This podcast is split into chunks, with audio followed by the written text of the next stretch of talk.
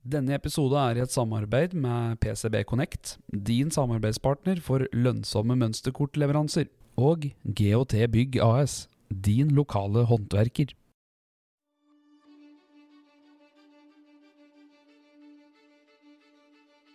Gå veien sammen med dem.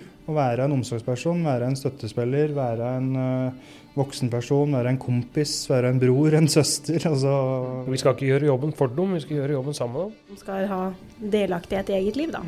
Og det er jo absolutt kjempeviktig idet du driver og blir voksen. For uh, idet du blir 18, så er du jo på en måte voksen. Men uh, vi skulle alle kanskje ønske, når vi ble 18, å ha en litt sånn kompis og støttesetter som har vært der før, da. Ikke være redd å stille ungene dine det spørsmålet. Eller gå og mistenke over lengre tid og bygge opp masse aggresjon eller uh, uvitenhet om hva som foregår om kvelden. Bare ta det med en gang. Du hører nå på Team Up podkast. Mitt navn er Espen Haug, og i et samarbeid med Team Up Helse AS har vi nå laga denne podkasten nettopp for deg. God fornøyelse.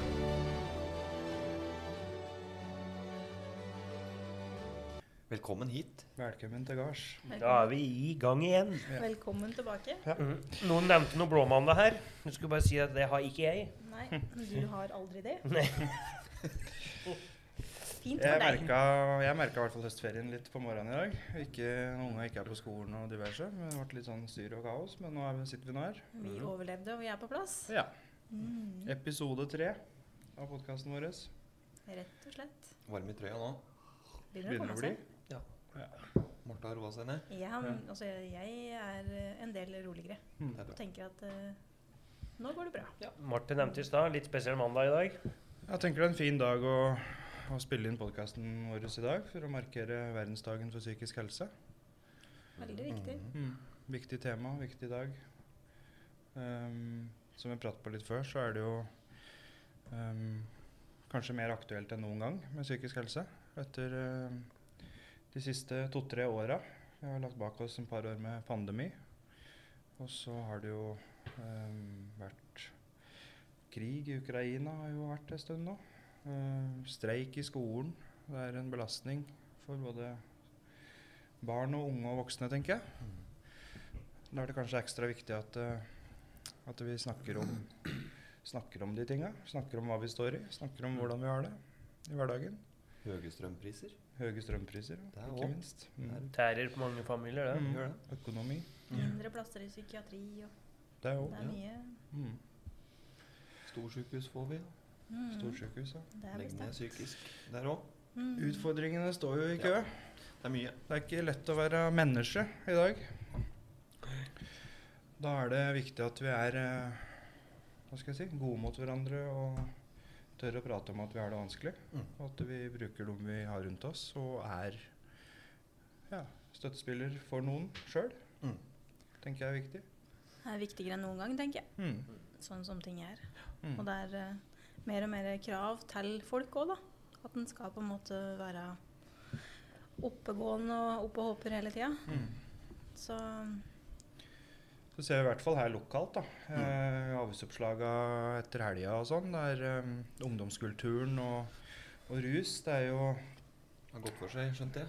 melder om krisestemning i lokalavisa i hvert fall, i forhold til fester i helga og ungdommer med overdose og voldsepisoder nede i byen. Og, Mm. Skolen. Det er folk som ruser seg i skoletida. mm. unge Mm. personer. Helt ned i 13-14-årsalderen. Mm. Begynner å bli et omfattende problem. Ja. En uh, veldig skremmende utvikling, egentlig, spør du meg. eh, I forhold til vanlig, vanlig rus har blitt. Mm. Og hvor mye Og hva det fører til, rett og slett. Da. Mm. I forhold til gjenger og grupperinger og utenforskap og gruppepress, tenker jeg. Altså jeg tenker Mye av den rusinga er gruppepress òg. Altså Du er på fest med mange, og du skal høre til, og du skal passe inn, og du skal være like tøff som noen andre og sånn. Så er det jo den oppfatninga, jeg leste jo det òg i OA, tror jeg det var, at uh, ungdom har den oppfattelsen at uh, disse stoffene på en måte er legalisert. da. Mm. Og det er jo feilopplysninger. Mm. Mm. Så det er jo uh, Jeg tenker at det ikke har vært nok um, folkeopplysning holdt jeg på å si, rundt ehm, eh, rusreformen. Ja, da. For det er jo mye den som gjør at ungdommen i dag tenker at det er legalisert. At de kan gå rundt med rus og, og ikke bli straffa for det. på en Mm. måte. Og Ikke bare det òg, men sånn holdnings... Hva det skaper av holdninger. da. Når de, hvis uh, ungdommen tror at de kan gå rundt med rus lovlig, så tror de jo ergo kanskje at rus også er lovlig. Og, Mm. og kanskje dermed mindre farlig, eller ja. Et eller annet skal ikke jeg si hva ungdommen tenker, men det er i hvert fall Det virker i hvert fall som når vi ser rundt oss her vi er ifra, da, at det er eh, mye utfordringer for tida, og at det har eskalert voldsomt, i hvert fall siste året. Mm. Veldig. Og så er det jo så unge personer at de har jo ikke den konsekvenstenkninga eller veit hva dette innebærer. Og mange av dem tror kanskje ikke at det er skummelt engang. Mm. For de har bare fått høre at ja, alle gjør det, og dette er sånn og sånn. Og Mm. ikke undersøker det før de faktisk Jeg tenker at det blir viktig framover også ehm, ja, at vi setter inn mer ressurser i skolen. At vi får satt mer fokus på temaet. At det forebyggende politiet er påskrudd og er med i timen, holdt jeg på å si. Og, og jeg tror vi trenger på en måte å, å gå litt tyngre inn i skolen nå for å snakke mer om dette her. Da. For det Få opp eh, kunnskapen, rett og slett, om hva som er lov og ikke lov, og hvilke konsekvenser ting har. Og, og ja, kanskje hjelpe de som, som er i grupper som de føler press på rus og de tinga der. Da. Det er jo sånn Når man er 13-14 år gamle, så er det jo ikke sikkert at de, de tenker jo ikke noe særlig over hvor skadelig eller hvor farlig dette er. Går det ti år, så kan faen meg livet ditt være ødelagt. Mm. Ta det. Det er jo litt av bakgrunnen der vi driver med, hvorfor vi driver med det vi driver med. For vi har den erfaringa, vi òg. Mhm. Hadde ikke vi gitt oss i tid her, så hadde det gått rett til helvete med oss òg. Ja. tenker det er jo kjempeviktig å ta det tidlig, og så at foreldre òg kobler seg litt på sammen. At de står sammen i det. At uh, hvis du ser ungen til naboen eh, er påvirka, at du da tar det med naboen. Da at du ikke tenker at ja, dette er ikke mitt problem. For det er jo et samfunnsproblem. Det er jo ikke én enkelt ungdom det gjelder. Bruk stemma di, ikke vær redd for å si ifra. Hvis Rett du ser noe som ikke stemmer, prat med unga dine om det. Hva er det Sett deg litt inn i hva som skjer i livet til unga dine, tenker jeg. Spør litt om vennekrets. Spør litt hva som foregår. Spør hvordan det er på fest. Snakk åpent om rus, da. Spør, spør dem rett ut. Er det, har du sett rus på fest? Har du opplevd rus? Føler du press? Mm. Er det vanskelig? Er det skummelt? I det hele tatt, da. Vi får jo ikke bestemt hvem, eh, hvem unga våre skal omgås, i den grad at de eh, kan ha sine, eller bestemme hvem som skal være vennene sine sjøl. Men vi kan jo være med å advare mot Mm.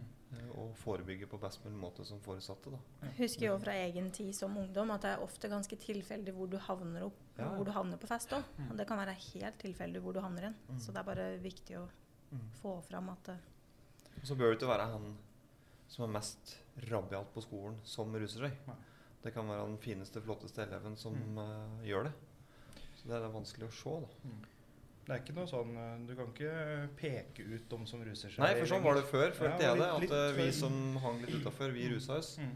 Men så var det kanskje ikke vi som rusa oss mest der. Mm. Det var de som hadde eh, velstående hjem og hadde det kjempebra. Mm. Og vi som hang utafor, vi gadd ikke å ruse oss, for vi hadde nok dritt fra før.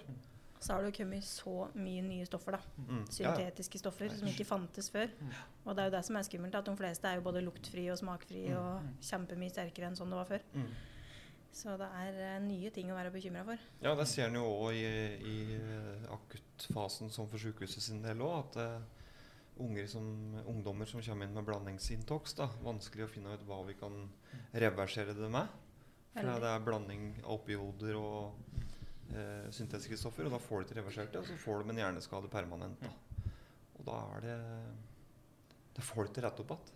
Det er i hvert fall ikke noe fasitsvar på hvem som ruser seg. Nei, det er ikke. Det, og det er litt skremmende, egentlig. Mm.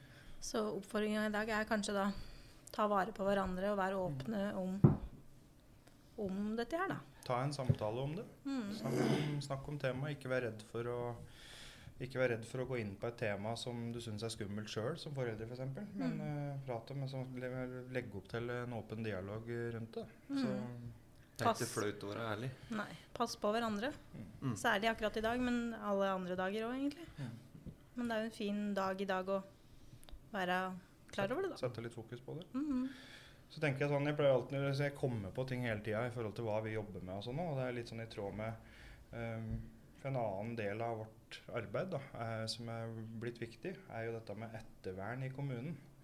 Um, og det er jo mange ungdommer som, som er i institusjon og, og har fått behandling for uh, rusavhengighet og de tinga der. Og så kommer de ut til kommunen, og så er det lite ettervern i kommunene, sånn som jeg ser det. da. Eh, det er mye på, det er blitt mer og mer på forebygging, og så er det mer og mer tiltak i situasjonen. Men det er lite fokus på ettervern. da. Og Vi har jo sett nå at vi har hatt flere ungdommer som har vært i institusjon, der vi blir ettervernet når de kommer ut. da. Og i forhold til det vi snakka på med rusmiljø og sånn, hvis du har liksom vært et år borte i institusjon, da, og så kommer du tilbake til byen her f.eks., så kommer du hit, og så er det et stadig økende rusproblem i byen og i bybildet. Så kommer du ut til masse rus og utfordrende situasjoner og skal stå i det å være rusfri. Mm. Så da tenker jeg at ettervernet blir enda viktigere. Da. Ja, helt klart. Mm. Og så omhandler jo ikke alt eh, Alt er jo ikke bare rus. Ja. Psykiatrien er jo kjempestor. Mm. Det er alt mulig slags diagnoser. Mm. Så dagen i dag er jo ikke bare for dem som har et rusproblem. Det er jo for alle som har eh, det mentale og det fysiske. Om du er ensom eller om du har blitt mobba. Eller Ja, alt. Ta vare på hverandre i hvert fall. ja, men det er fint. Bruk dagen i dag. En fin oppfordring. Prat med noen rundt deg. Mm. Ta vare på en annen i dag. Ja, Ta vare på en annen. Mm. Spør hvordan det går. Vi er jo veldig flinke i Norge til å si 'går det bra med deg?' Og det er jo et sånn ja- og nei-spørsmål. Mm. Ledende spørsmål. Mm. Spør heller 'hvordan går det med deg?' Mm. Åssen har tilbakemeldingen vært på forrige episode? Dere to som gikk ut i bresjen da? Ja, for min del har det vært uh, overraskende positivt. Mhm. Uh, har ikke helt tellinga, men det har blitt mye meldinger. Mm. Både Koselig, ja, kjempekoselig. Uh, både fra nære familie og venner og ubekjente over for så vidt. Som i nær familie sier at 'dette visste vi ikke'. Til venner som det var såpass. Mm. Og folk jeg ikke har så mye kontakt med, som 'takk for at du åpna deg på den måten du gjorde', da, sånn Mm. som jeg sa. Det fikk meg til å tenke annerledes på ting òg. For den personen òg har blitt mobba eller vært inne på tanken med å ruse seg på steroider. da. Mm. Og nå tatt et valg om at eh, jeg kommer ikke noe videre med det. Mm. Nå må jeg oppsøke hjelp, for det har jeg trengt i ti år nå. Mm. Så for min del så har det vært eh, overveldende og rørende å høre andre sine historier. Altså. Så er det kult å få litt sånn bekreftelser eller tilbakemeldinger. Ja, det gjør Noen noe med meg også. Noen deler noe som er sårt, og liksom Ja. sitter i en sånn sårbar situasjon etter Mm. at du har delt, så er det godt å få litt bekreftelse. Jeg var veldig spent når jeg gikk herfra, om som, eller om noen kommer til å ta kontakt. da. Mm. Og veldig god følelse når jeg gikk herfra. Sånn mestringsfølelse om, sånn som jeg ikke har følt på så mange ganger. Ja. Man kunne fortelle om eh, min historie, da. Du hadde fått en del tilbakemeldinger, Marte? Ja, det har jo det. Jeg, altså tror Pål har sikkert fått enda mer enn meg, da, men det er jo litt med at uh, menn i, i mange år òg på en måte ikke har hatt for vane å åpne seg opp, og det har vært litt sånn tabulagt. Mm. Så jeg føler at det er en sånn Når du først gjør det, så det har på en måte mer slagkraft i det du forteller, for det er liksom en så sterk historie. Mm. Og at det, du er en mann, da, for de som ikke kjenner deg eller ser deg, så du er jo en stor og muskuløs kar med mye tatoveringer, og du ser jo veldig tøff ut, på en måte. Men at det kan være noe galt på innsida sjøl, men ser veldig tøff ut, da. Det er helt riktig. Og det er jo veldig slagkraft i historia di. Mm. Og så er det jo som vi sa sist, at vi skal jo ikke sammenligne problemer, men jeg personlig føler jo at mine problemer ikke er så ille som dine. Men det kan jo føles like dramatisk uansett. Det er Det er vel veldig viktig å påpeke, da. Mm.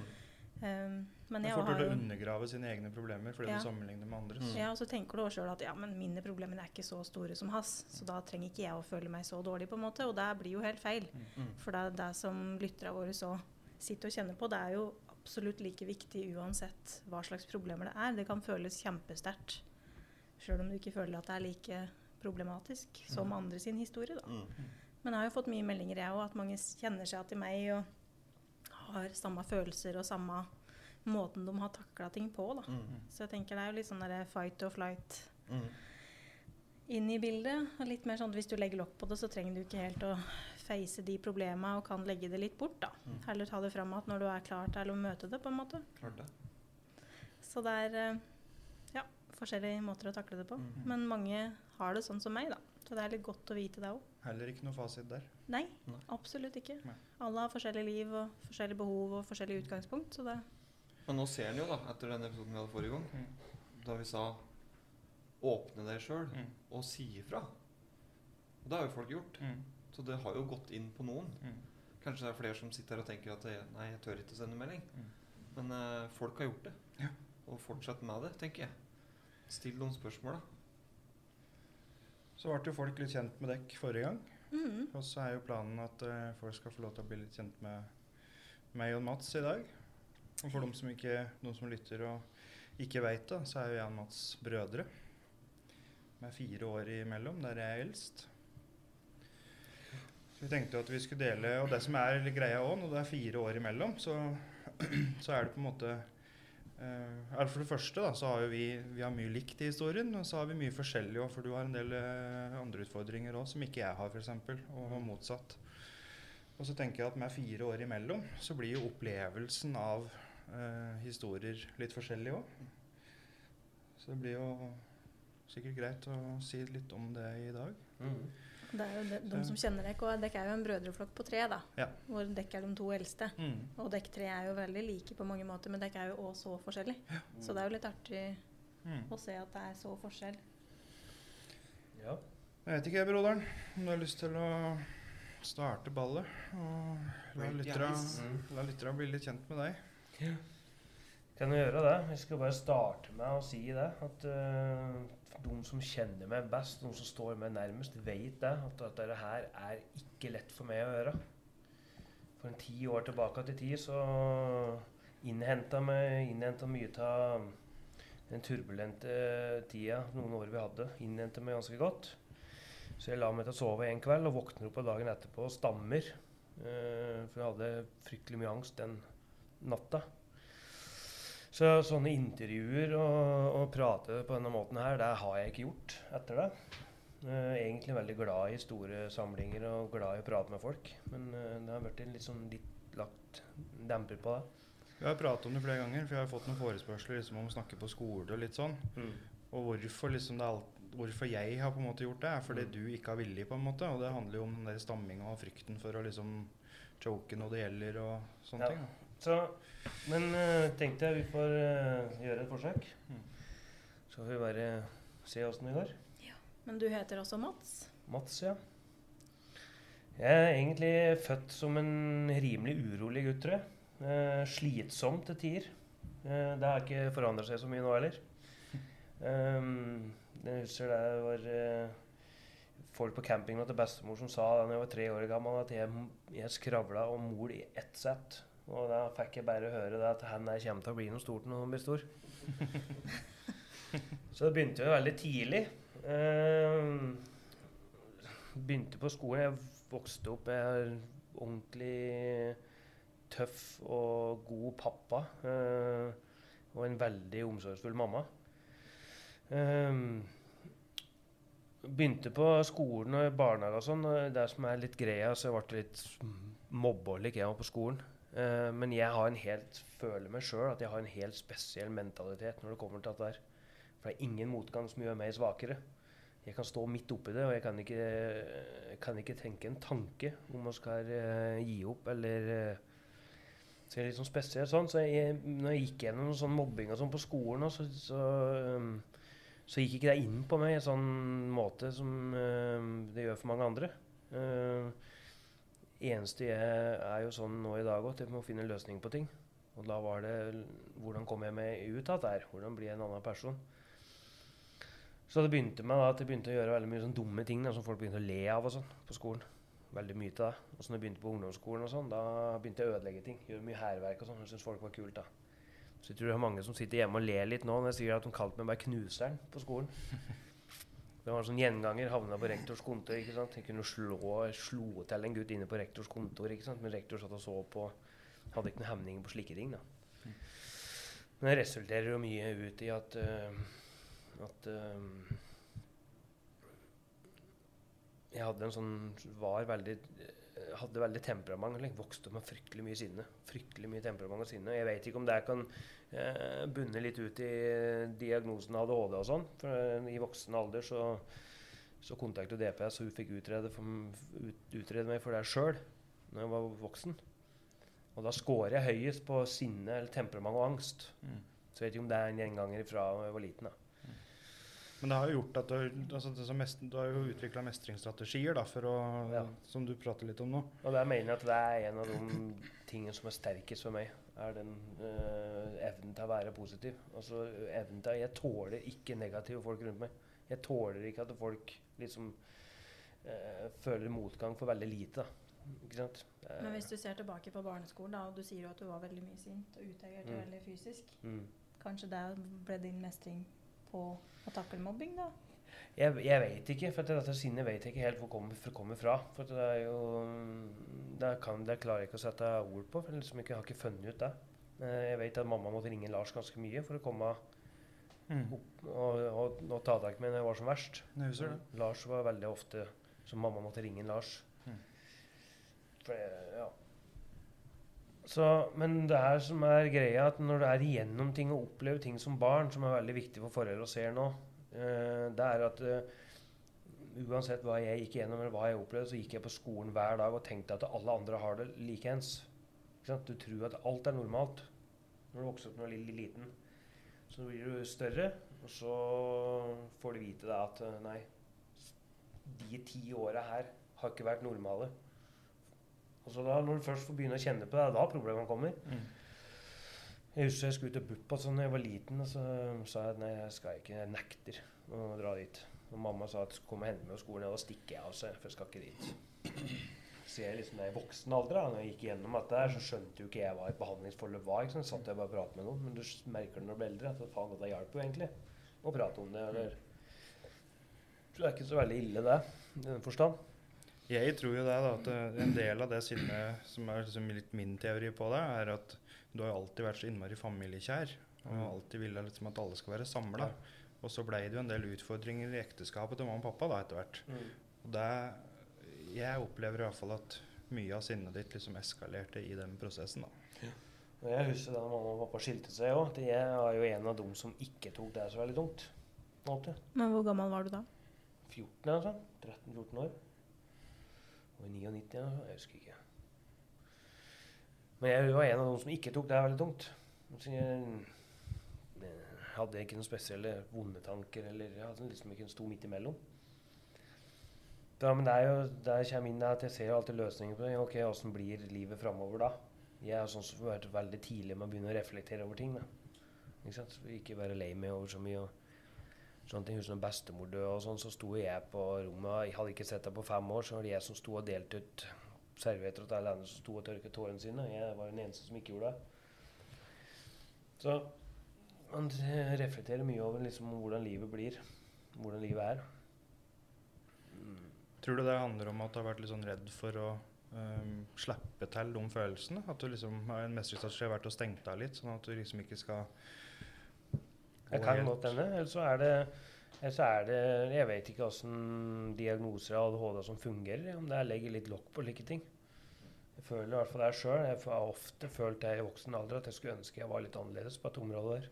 Men har du følelser på ting, på en måte? For nå blir du veldig glad i noe, eller blir du veldig glad for noe, eller veldig sint for noe, eller veldig lei deg for noe, eller Det beste jeg vet, det jeg blir mest glad for i livet mitt, er når jeg hjelper andre folk. Å se at andre folk tar nytte av ting som jeg hjelper dem med. Og sånn har jeg vært de senere åra. Jeg gjør ikke så mye for meg sjøl, egentlig. Hvis jeg, men jeg elsker når andre folk har det bra hvis jeg hjelper dem med noe eller gjør noe. Det er mye følelser i deg, Mats. Men Ja. du viser det kanskje ikke sånn som alle andre gjør det. Men du bærer det inni deg på et vis, da. Ja, jeg synes jeg flere ganger når jeg begynte på ungdomsskolen og sånn, spesielt i 10. klasse på jeg gikk på Hvaler ungdomsskole, så var det sånn eh, Da kunne jeg sitte på skolen og ha på headset og sånn, så høre sanger og sånn, så kunne jeg begynne å gråte på bussen. Mm. Og det var kun fordi jeg begynte å tenke på hvor mye fælt jeg har gjort mot mamma og sånn. Ja. Du var slem og hjemme og det her var, det her var tungt for meg. Ikke altså, alenestund, da. Jeg var jo sånn og i voksen alder så best å sette seg i bil og kjøre tre timer og bare grine. Ikke sant? Høre på musikk og grine. Så det er min måte å takle på. Men det var ikke nødvendigvis at du måtte sitte og prate med alle andre om det. Så jeg kom gjennom ungdomsskolen og sånn, og begynte på videregående og sånn, og samme opplegget der. Begynte på første videregående på Dokka, ikke sant. Og var utagerende der, ikke sant. Og Slo mattelæreren min en gang. Og masse sånne ting. Hvilken linje var det du begynte på da? Jeg begynte byggfag. Så gikk jeg første året på mm, videregående, og vet ikke om dette stemmer, da, men jeg ble sendt til Gjøvik andre året. For det passa ikke helt å gå på skolen der. Måtte melde meg til PP-tjenesten og sånn, at jeg ikke hadde drevet med noe tull i friminutta. Masse sånne ting. Men så Og så kom jeg på Gjøvik videregående. Det året gikk litt bedre, faktisk. Det året jeg var russ og alt mulig sånn. Um, jeg ferdig i videregående, da jeg begynte jeg å eskalere. Da begynte jeg å være med med Lars og hans sine kompiser og sånn. Mm. Satt det første sprøyta med steroider da jeg var 18 år og var akkurat ferdig videregående. Fikk ikke lærlingplass, for det var så mange som gikk. Jeg fikk ikke noen lærlingplass. Så jeg tok noen strøjobber og sånn, og så begynte jeg med steroider og lik. Og der kom jo den aldersforskjellen fram, da, for jeg var jo fire år lenger fram enn deg, på en måte. Mm. Og jeg hadde jo, det kommer jeg tilbake til senere, men jeg, da hadde jeg begynt å skli ordentlig ut, og Mm. så begynte du å henge deg mer og mer på deg, da. Mm. Så så begynte jeg med det når jeg var 18 år. Jeg eskalerte ganske fort. Uh, de tinga der. Det var jo mest for at jeg, jeg var ikke med Jeg var mest med Lars og hans sine kompiser. og sånn. Hans sine kompiser ble mange som ble mine kompiser. Og så hadde vi noen år der som var ganske turbulente. Hvor jeg egentlig ikke følte på så mye følelser i det hele tatt i den tida der, for du blir eh, Du ruser det bort. Eh, har du det tungt en dag, så ruser du deg for å komme opp igjen. Er du glad en dag, så tar du ingenting, for da er du glad. Mm. Så Det er litt av blir, målet med rusen innimellom. Ja. Så det blir sånn Det var nok noen år der som jeg Som jeg mm, ikke følte på så mye følelser, egentlig. tror jeg. Så har du hoppa over én ting òg, som jeg bare har lyst til å hoppe fort tilbake til. Og det er jo at det er, eh, det er din fortjeneste at de seksuelle overgrepene som jeg ble utsatt for, ble oppdaga. Ja, og det er også en sånn greie som sitter En ting som sitter igjen i meg eh, etter at er seansen der, er rommet til han gutten. Den loftstua til han gutten. Mm. For det husker jeg var tre år gammel. Jeg husker det rommet enda. Jeg husker bladene som lå på stuebordet og sånn. Og så er det jo noe med det, da, at når, du, når det overgrepet vårt um, kom ut, da, så mamma skulle stelle meg på kveld når jeg er tre år gammel og skifte bleie, så gestikulerte jeg med noe med penis og sånn. Du skal ikke kunne det når du er tre år gammel. Så det ligger jo noe litt forarbeid der for han gutten, tror jeg. For det, du skal jo som tre år gammel, så skal du ikke kunne slik. Mm.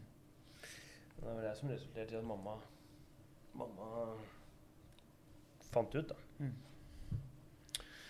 Så jeg, men jeg, jo, som sagt så var jeg tre år gammel. Eh, men jeg, de tingene jeg husker, Og så husker jeg spesielt eh, noen år etterpå. Jeg var seks-sju år gammel eller noe. Og så drev og lekte på Høven vet du, om vinteren, Mm. som var på bilverksted. Jeg og du. Mm. Og så skulle jeg ned på do bare. Og når jeg kommer ut av porten, da har han kommet på en tohjuling. Mm. Moped eller noe. Mm. Husker du satt på toppen av haugen, og han sto nede på denne mopeden og la, prøvde å kjøre opp haugen. Mm. Late som han skulle kjøre opp og kjøre på deg, liksom. Mm. Da husker jeg bare sto nede i, i portåpne- porten på gården og kikket oppover. Turte ikke å gå ut i veien heller, for han hadde ratt. Husker jeg han drev og kjørte mye rundt. Og apropos sinne og sånn òg, så er det jo Disse episoden her òg har nok sikkert satt seg litt i kroppen, vil jeg tro. Mm. For deg òg. Husker du barndommen din sånn helt klart, eller er det perioder som er Nei, jeg, mye av barndommen min som er borte. Ja. Jeg husker ikke konfirmasjonen min og sånn. Nei. Husker ingenting fra det. Nei. Jeg kan se på bilder i fotoalbum og sånn, husker ingenting. Men det var jo rundt da som mammaen og pappaen din gikk fra hverandre, Ja. kanskje? Mm. Da var 14-15 år. Mm. Bare noen år etterpå. Men det, Nei, så det er en del sånne ting jeg ikke husker. Jeg husker sånne bruddstykker av fine familieturer og, Mm. og masse sånt. Men eh, mye av barndommen min som er borte. Mm. De ikke klarer å finne fram igjen mens jeg ser bilder heller. Mm. Så det sier meg en del om at du har en del har, har hatt en del mestringsstrategier som ikke har vært så sunne, da, i Mm. forhold til å fortrenge ting og ikke gå inn i materien, holdt jeg på å si. Um, Ja, men jeg har alltid vært opptatt av at hvis folk rundt meg har det bra, så Mm. er det ikke så farlig med meg sjøl. Mm. Slik har jeg vært i alle år, tror jeg. Du har hatt en helt imponerende mentalitet alltid i forhold Mm. til å holde positiviteten og se det positive i ting. Ja. Og prøve å liksom få til noe bra ut ifra uansett hvor dårlig det er, på en Ja. måte. Og så spesielt dette med hvis folk kommer rundt meg og har det dårlig. Også at, eh, også at du klarer å få at de blir blide og fornøyde igjen. Mm. Så er det noe med at de å hjelpe andre. Mm. Men da setter du jo andre sine behov før dine egne hele tida, da. Det er Så gjort jo- Ja. Men det er jo ikke sunt egentlig i lengden, det heller. Nei. Det var jo akkurat samme som med deg, Pål. at Du hadde den ungdomstida sin hvor du kjøpte deg mye glede. Mm. Det var min glede. Mm. Men gjorde ikke noe for, for det innvendige Nei. i den forstand. Men jeg husker det når jeg ble når jeg, jeg skjønte jo etter, jeg, liksom, etter vi ga oss med rusinga og steroider og alt mulig sånt, så skjønte jeg jo at det er jo et eller annet galt med meg. Mm. jeg husker jeg prøvde psykomotorisk fysioterapi og alt. Hver gang jeg gikk ut av døra, så tenkte jeg at dette, dette, er ikke, dette hjelper meg ikke. Det er ikke dette her som feiler meg. Mm. Så husker jeg fikk prøve en Ritalin-tablett, hvor jeg da ble helt slått ut. Jeg tok en sånn Ritalin-tablett. Mm. Og da kontaktet jeg DPS sjøl, og så ba jeg om time for å utrede meg. Så fylte jeg ut noe skjema, og sånt, og de sa at det er ikke tvil heller. Du har ADHD. Mm. Og det har du antageligvis hatt i 26 år. Mm. Så når jeg ringte min mor da, for å fortelle dette, så sa mamma at jeg visste det. Jeg. Mm. Men jeg kunne ikke utrede det. Jeg skulle utrede det da jeg var 14-15 år, men jeg kunne ikke gjøre det, for det skjedde så mye i livet ditt. Jeg kunne ikke begynne med det. Så mest sannsynlig har jeg hatt det hele livet. Men si at du hadde blitt utredet for det i ung alder, da. Tror du det hadde hjulpet deg? Nei, Tror du det hadde vært en annen plass i dag? Tror du du hadde takla ting annerledes? Uff, det er helt umulig å si. Uh, men jeg vet i hvert fall med meg sjøl at den der eh, åssen jeg vokste opp og åssen jeg har hatt det og sånn, at jeg ville ikke vært foruten det. For det, det er jo klisjé å si det, men jeg hadde ikke vært den personen jeg var i dag hvis det ikke var for det. Og jeg er sånn som går ikke rundt og bærer nag til noe som helst som jeg har opplevd eller følt i livet mitt. Jeg ser bare framover. Det er gjort støtt. Mm. Eh, og Samme var det med medisiner. Jeg fikk Ritalin og begynte på det. Og gikk på det helt fram til mellomste sønnen min i 2018. Mellomste sønnen min kom da, så slutta jeg på sjukehuset. For det blir så tablestyrt. Og jeg vil gjerne at foreldre skal være litt forsiktige med at de skal være helt sikre på å medisinere sine unge, unga sine for ADHD. For jeg følte meg så tablettstyrt Mm. at jeg hadde ikke oppturer og ikke nedturer. Var helt flat. Flat i følelseslivet. Ja. Jeg kjente deg jo før du begynte på Ritalin, da. Ja. Så det er jo ganske stor forskjell for de som ikke kjenner deg, Mm. i den perioden før du begynte på det, og når du hadde begynt på det. Mm. Det var jo gans ganske natt og Ja. dag, egentlig. Men så skjønner jeg jo det du sier angående å bli helt sånn zombie, nesten. Ja. For du følte, jo, du følte jo at du var aldri sint, du var aldri glad. Nei. Du var på en måte bare Og så begynte jeg å bli slit. ikke sant? Ut eh, på vinteren sånn, jeg skulle ut og ake med unga, så var det sånn å ligge på sofaen og bare Fy faen, jeg orker ikke. Og jeg slik vil jeg ikke. Da vil jeg heller være sånn at uh, det får ikke skjedd fort nok. Mm. Det står i gangen og er irritert, for jeg står ferdig påkledd og må vente på med andre. Da vil jeg heller skal være sånn. Jeg tenker i hvert fall det er viktig å gjøre de prosessene grundig, fordi det har blitt litt sånn inn i dag, føler jeg, å slenge diagnoser etter folk. Mm. Og så tenker jeg at det er Ja, om du får en diagnose Det er mange som har diagnoser, men om du får det òg, så bruk litt tid på å liksom, finne riktig medisinering. Sett deg ordentlig inn i det. Og så er det så mange ting som kan jobbes med forutenom å putte ei pille i munnen òg. Eh, Du kan liksom legge til rette livet ditt og jobbe med deg sjøl og legge til rette omgivelser og få mye hjelp utenom deg òg. Mm. Men uten tvil så er det mange som trenger tabletter. Ja. Jeg har en sønn som går på det sjøl. Men, Mm. Men bruk tid og gjør den prosessen grundig, og ikke bare hopp på. Mm. Men altså, folk må da medisinere unga sine av de riktige grunnene. Mm. Ikke sant? Altså, hvis du medisinerer unga sine for at du kommer hjem til fra arbeid og ikke får ligge på sofaen og slappe av for at ungen din har mye energi, Mm. da skal du ikke medisinere. Nei. Men hvis det er for konsentrasjon på skolen og klarer ikke å komme seg gjennom skoledag og sånn, Mm. da er jeg enig i at en kan få litt hjelp til det. Mm. Men eh, hvis, det ikke er, hvis det er for at du ikke får lov til å ligge på sofaen og slappe av, liksom, for at Mm. ungen din er helt hyper, da må du, du er nødt til å ut med dem. Mm. Og gjøre noe. så føler det er litt sånn i dag, og det særlig med ADHD. At eh, jeg tror at alle som hadde gått hos en psykolog, psykolog hadde fått en diagnose av et, av et slag, på en måte. Mhm. Eh, men at det ikke alltid bare hjelper å dytte inn noen tabletter, og så er, det, er du fornøyd med det, liksom. Men eh, hvis du får en ADHD-diagnose, f.eks. i ditt tilfelle, da, så kan du jo finne mestringsstrategier som hjelper deg å takle det og på en måte leve med det, i stedet for å tenke at det er et problem som må dysses ned. Mm. For det er jo mange som lever med den diagnosen og kanskje føler seg utafor fordi de ikke klarer å fungere i et klasserom eller sosialt sånn som andre. ADHD kan jo være en kjempestyrke Ja, hvis, du, hvis du klarer å bruke det riktig. Jeg tror det er styrken min er med, at det med positiviteten og alt mulig sånn. Mm. At, øh, at uh, den er så sterk. Og Mm. dette er samme altså når du har samboer og sånn, da, så er det jo de som må takle at jeg ikke går på med medisiner. Mm. Ikke sant? Det er de som må takle dette livet der. Mm. Og det er ikke alle som er øh, skapt for det, men min samboer er heldigvis skapt for det. Tar det for den du er. Og la meg få utløp, ikke, få utløp for det. ikke sant? Hvis jeg, jeg, kan, jeg klarer jo ikke å sitte inne. ikke sant? Jeg, er, om- jeg våkner jo, kan jo våkne klokka fire-halv fem om morgenen, ikke få sove igjen. Og bare vente på å stå opp og dra ut og vente på at folk er våkne nok til å ta imot kaffebesøk. Ja, alle som kjenner deg, vet jo at du er en sånn energibombe som til tider kan være ganske Ja, krevende. eh, krevende, For du er jo så ivrig så tidlig, og så, mm. så ivrig. Ja. På noe som vi andre da Vi har så vidt bikka ut av senga og våkna og gløtta på øya, og så står du der og bare 'Nå skal vi reise!' Mm. Så det er jo Men det er jo en styrke, og det, det er jo bare å finne mestringsstrategier for å bruke det som en styrke, da, og ikke se på det som et problem. Mhm. Men jeg tenker jo at livet ditt Altså, du, du De tinga som skjedde altså Vi hadde jo alkoholiserte besteforeldre, ikke sant? og det Mm. ble til skilsmisse, og, og du hadde mye sinne i deg. Du har en mobbehistorikk og de tinga der. Mm. Men uh, jeg tenker jo at uh, eh, det er jo ting som, som gjør noe med deg, på en måte. Mm. Men samtidig så har du vært helt sånn ekstrem på å liksom uh, se framover, som du sier. Og så For du har nok av unnskyldninger for å styre livet ditt i grøfta. Mm. Og på et eller annet tidspunkt så har du på en måte eh, tenkt at nei, jeg skal ikke finne unnskyldninger for å, å legge livet mitt i grus. Jeg skal se framover og prøve å gjøre Mm. ting riktig og utnytte potensialet og, mm. og se framover, da. Og det er en sånn enorm styrke som du har. Mm. Og den føler jeg, den vet jeg sjøl. Jeg føler den. Det er, og det tror jeg er den største styrken jeg tar med inn i det vi jobber med òg. Mm. Akkurat den biten der. Mm. For der vet jeg med meg sjøl at Mm. jeg legger meg ikke ned for noe som helst. Og det Dette er en- spiller ikke noen rolle hva som kommer.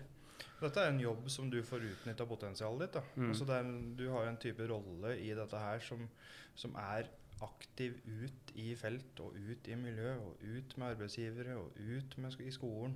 Og du Mm. får lov til å liksom farte rundt og ha frie tøyler ute i feltet og gjøre din greie, på en måte. Mm. Vi så jo det her når du skulle følge en ungdom på skolen en dag. Jeg vet ikke hvem det var verst for, om det var ungdommen eller om det var deg. Det, Så er det slik på, sko på jobb òg. Folk sitter og drar opp avtaleboka si og almanakk og sånn. Den eneste som ikke har det, det er jeg. For den har jeg antakeligvis i to dager, så er den borte. Mm. Så jeg, alle møter og sånn jeg skal jo som jeg sender melding om til Lars, og så må jeg få en påmelding om det. eller meg, da, i det Ja. siste. Eller Marte. Ja. Men det er jo noe med også å bruke det potensialet vi har. Det er Mm. ikke noe, vi må spille hverandre gode, ikke sant? Ja, ja. og det handler om veldig mye i livet. Og vi setter jo ikke deg til å skrive fem rapporter hvis du mm. er best på å drive ute i feltet. Da gjør, du, gjør noen andre det, på en måte. Mm. du er jo en praktiker uten like. Det er jo Ja. der du er best. Så da Ja, må vi bruke det der du er best. Ja, og det vet jeg sjøl òg, så jeg tar ikke det noe negativt. Om folk de må mobbe meg litt for det. Mm. Ja. For det er helt greit. For det vet jeg sjøl. Men livet ditt òg var jo ganske tøft i mange år, for å gå litt tilbake til det. da. Mm. Altså Det ble jo mye rus Mm. og, og kriminalitet og vold og de tinga der. Ja. Eh, hva tenker du om det, eller den prosessen, og hva har det, har det noe med ADHD-en å gjøre? Var det sjølmedisinering? Hadde du det vondt? Eller, hva, eller var det en storebror som trakk? Eller var det hva var? Jeg, jeg visste vel ikke at jeg hadde ADHD på den tida der heller. Uh, men det var nok en blanding av flere ting, som du sier. Uh, Sjølmedisinering tror jeg det ikke var.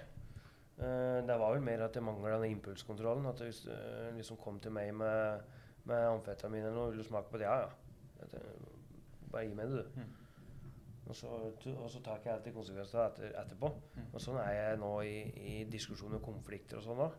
At jeg sier det mm, magefølelsen min sier. Jeg får sagt det, så tar jeg konsekvenser av det etterpå. Så jobber jeg med det. Men jeg går ikke med noe i meg. Uh, og dette er dopbruken og sånn òg, så uh, var det jo eh, Jeg tror det handler mest om at du gir deg i tide. Hadde det pågått noe lenger, sånn som vi ser til noen av kompisene våre som driver med dette lenger, som enten er døde eller, eller uh, innlagt eller hva som helst. Så jeg tror at, at vi, at vi, jeg og du sammen altså Vi har gjort Klart stort sett innse at dette ikke var Ja, Vi starta jo, starta jo sammen, og vi avslutta sammen, og vi begynte dette her sammen, og Mm. vi har jobba sammen og sånn. Så jeg tror det mest går på at hadde ikke vi gitt oss da, så Det hadde det gått sikkert like sett det her. Nei. Jeg Men jeg tenker, jeg snakker nå, jeg spør litt ut ifra hvordan jeg kjente på det sjøl, men, men tenker du at eh, rusen og den utageringa i miljøet og sånn, handla, handla det om noe om sjølbilde og sjøltillit? Det å være noen, det å hevde seg og sånn? For det gjorde det i hvert fall for meg. Mm. Det er så vanskelig å svare på for min del, for jeg har aldri tenkt på det. Eh, Jeg bare gjør det.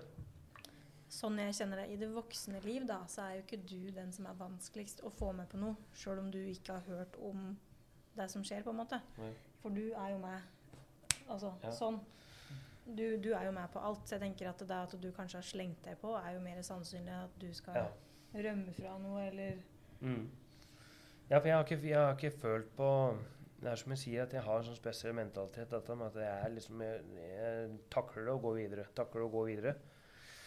Men det i seg sjøl er jo en måte å takle ting på som egentlig ikke er sunt. Da, for på et eller annet tidspunkt så kommer det jo Mm. og innhenter deg. Ja.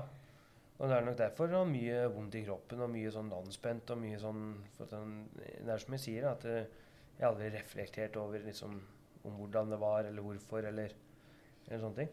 Det er noe du egentlig har begynt med de siste to åra bare. Mm. For du har nesten aldri Jo, altså vi har alltid snakka om mye og, og vært mye for hverandre sånn sett. Men, eh, men jeg tenker jo at du har jo alltid hatt litt sånn flukt i deg, du òg. Sånn Mm. at du ikke ville ha gått inn helt i ting og Bearbeider ikke, bare gå videre. mm. Så kommer, dukker det opp nye ting, og så Mm. tar jeg den. Og så når den tingen er ferdig, så bearbeider jeg og så går jeg videre. Det er jo en forsvarsstrategi, da. Mm. Det er det antageligvis. Så Men det er mye av den styrken der, da. Den mentale styrken og sånn, som jeg tar med til ungdomma. Ikke sant? For jeg, jeg, jeg, føler jo på det. Jeg føler på følelser. Jeg føler Mm. på motgang og slik som alle andre òg. Mm. Men jeg har en helt annen måte å takle det på. Men du prøver å vise dem åssen de skal bruke styrkene Ja. sine, og, og prøve å se framover. Finne de gode kvaliteter Mm. i eh, alle slags, uansett om det er diagnose eller ikke diagnose. Jeg har jo støtt sagt at om jeg, blir lam og havner i rullestol, Mm. så fins det noe jeg kan gjøre. Mm. For alle har ressurser i seg. Ja, Uansett om du er rusavhengig eller hva du er. De er flinke til uansett, så er du flink til et eller annet. alle er jo gode til noe. Ja. Mm. Og jeg skjønner ikke at jeg overlevde den tida der, for jeg var jo ganske ung, da. Eh, men eh, du vet, du blander steroider og dop. Og eh, når du doper deg på amfetamin og sånn, og ikke et mat, og dytter i steroider og tar amfetamin før du skal på trening og sånn, du kan jo dø av det. Så er jo det jeg har tenkt på mange ganger, at, at jeg skjønner ikke at det gikk bra. Det er det er eneste jeg har tenkt over da. At det, men det er som du sier, at det har noe med når du gir deg tida. At dette er noe vi må bruke til ungdommen. At det, ja, du kan ruse deg nå og synes det er kult, men fy faen så mye problemer du kan få av det. Mm. Og det var det samme med meg. At alt vi var igjennom, som vi pratet på innledningsvis, med stamminga mi og sånn Mm. Den angsten jeg kjente på den natta, er det verste jeg har opplevd. Det glemmer jeg ikke. Mm. Og du våkner opp dagen etter på stammer av det. Mm. Og dette er kun basert på de åra fra jeg var 18 og til jeg var da eh, Til vi ga oss. Jeg husker ikke hvor gammel jeg var. Om Mm. 3-4-25. Men er det situasjoner i dag hvor stamminga di blir verre? Er det situasjoner eller Ja. Og det, jeg elsker jo mye folk. Ikke sant? Jo flere, jo bedre. Og jeg elsker å prate sammen med mye folk. Men hvis jeg blir satt på spissen, liksom, hvis, jeg må, hvis jeg må forklare noe, eller et eller annet sånt, da kan det henge seg opp Mm. helt. Mm. Hvis jeg blir jævlig ivrig ikke sant? på at uh, hvis det kommer spørsmål i en stor sammenkomst, og så vet jeg svaret på det, da kan det stoppe seg mye. Altså. Mm. Ja. Så um, det er masse sånne ja. De siste åra så har du jo på en måte lært deg å, å prate om litt ting, da. Eller, og jeg merker jo at du har blitt roligere. Altså du, du er litt sånn, du fyrer fort og sånn. Det kommer aldri til å Mm. endre seg, for det er Mats er Mats, liksom. Men jeg, det er på mange andre ting så, så opplever jeg jo at du liksom har blitt litt sånn roligere og kan sette litt mer ord på ting og, og prate om ting og sånn. Og det er jo en Dette her er jo første gang jeg prater om stamminga mi i Offentlig, ja. offentlig sånn, Ja. i sånn sammenheng som dette her. Mm. Men jeg tenker sånn innad i vennegjengen og sånn. Ja. Mm. Det er jo kun, eh, kun de nære og kjente som vet det. Nye personer jeg møter, vil jeg ikke skal vite av det. Mm. At jeg gjør det. Som prøver å finne sånne Mm. Andre måter å ordlegge seg på. Mm. Som ikke skal skjønne at du gjør det. Hvorfor gjør du det i dag, da? Jeg Skal jeg spørre om Det heter stamme én gang siden vi har begynt. Er det enkeltord du henger deg opp på?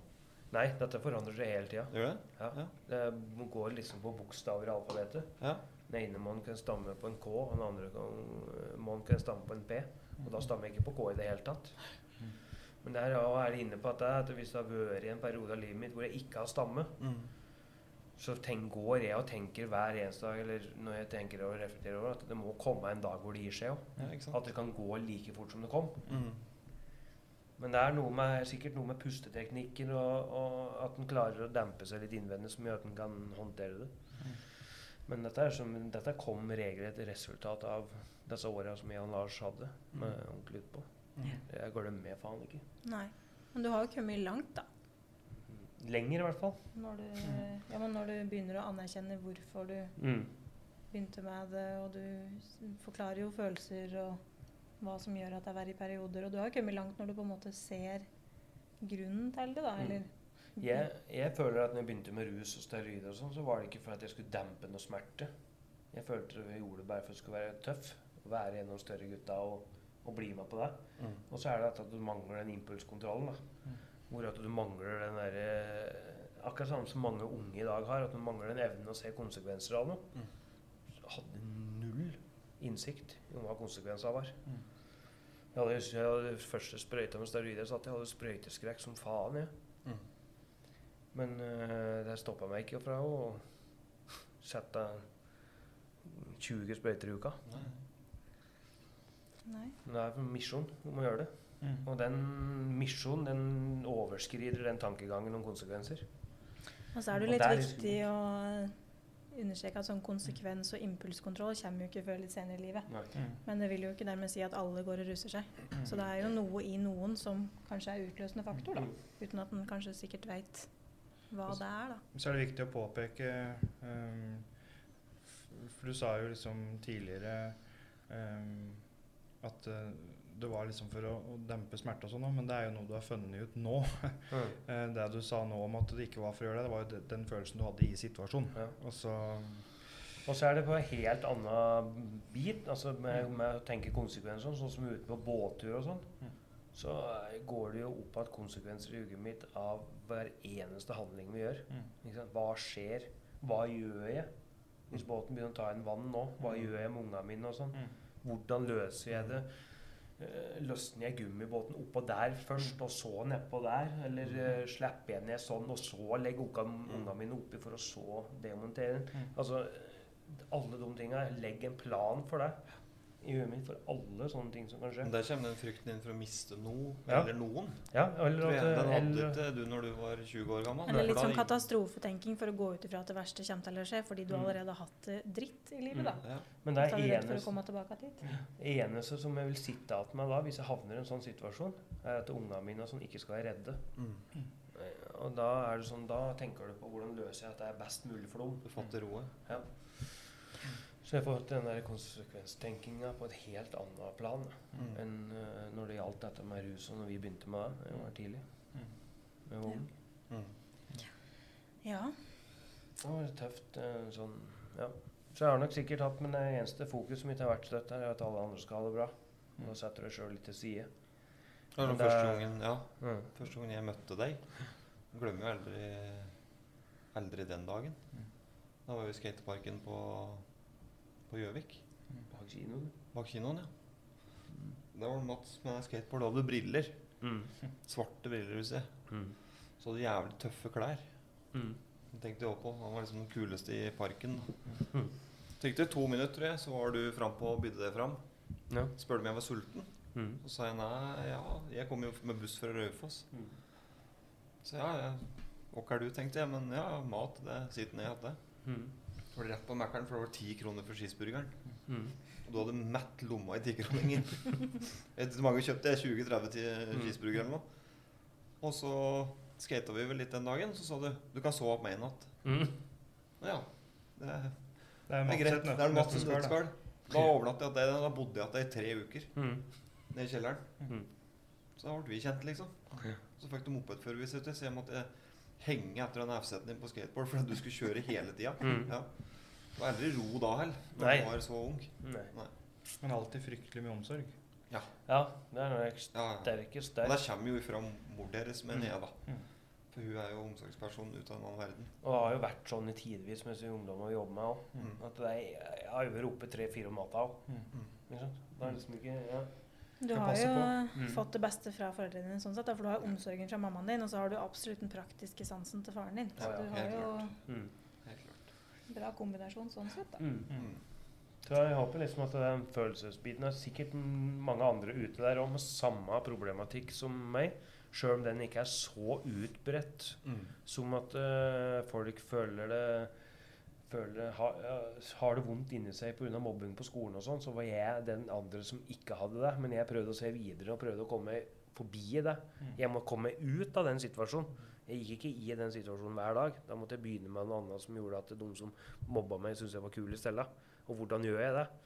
Det er sikkert noen ute her, selv om ikke det er så utbredt, så er det sikkert noen ute her som kan relatere seg til den biten òg. Tenker jeg. Ja. Det er litt om deg. Ja. Takk for at du deler. Takk for meg. Så har vi jo en til rundt bordet her, Mm. som du kjenner ganske godt fra før. Ja, Jeg og Pål kjenner den jo rimelig godt, vi òg, men vi vet jo uansett ikke alt. En storebror. Storebror. Storebror Lars. Mm. Sett og hørt mye, men uh, ja.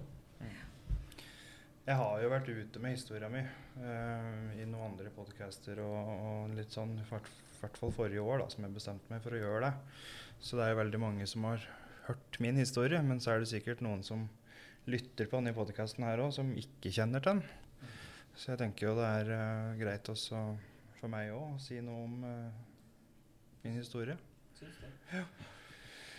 Um, jeg, jeg vokste jo opp på Gjøvik, da. Uh, født på på Gjøvik. Um, Storebroren til Mats, som sagt. Um, jeg vokste opp nede ved Mjøsa, da, som um, i sørbyen her. Og uh, hadde jo mor og far sammen i starten. Um, hadde jo uh, en utfordrende oppvekst på den måten at jeg ble utsatt for seksuelle overgrep i fire år. Uh, av en mannlig hjørnenabo. Um, de overgrepa starta da jeg var fire. Um, det var en, eh, en kar som vant tilliten min i nabolaget og, var en likandes kar, og som eh, eh, etter hvert fikk meg til å komme opp i det huset.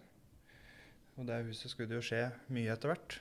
Um, Starta litt i det små, men det utvikla seg jo ganske raskt.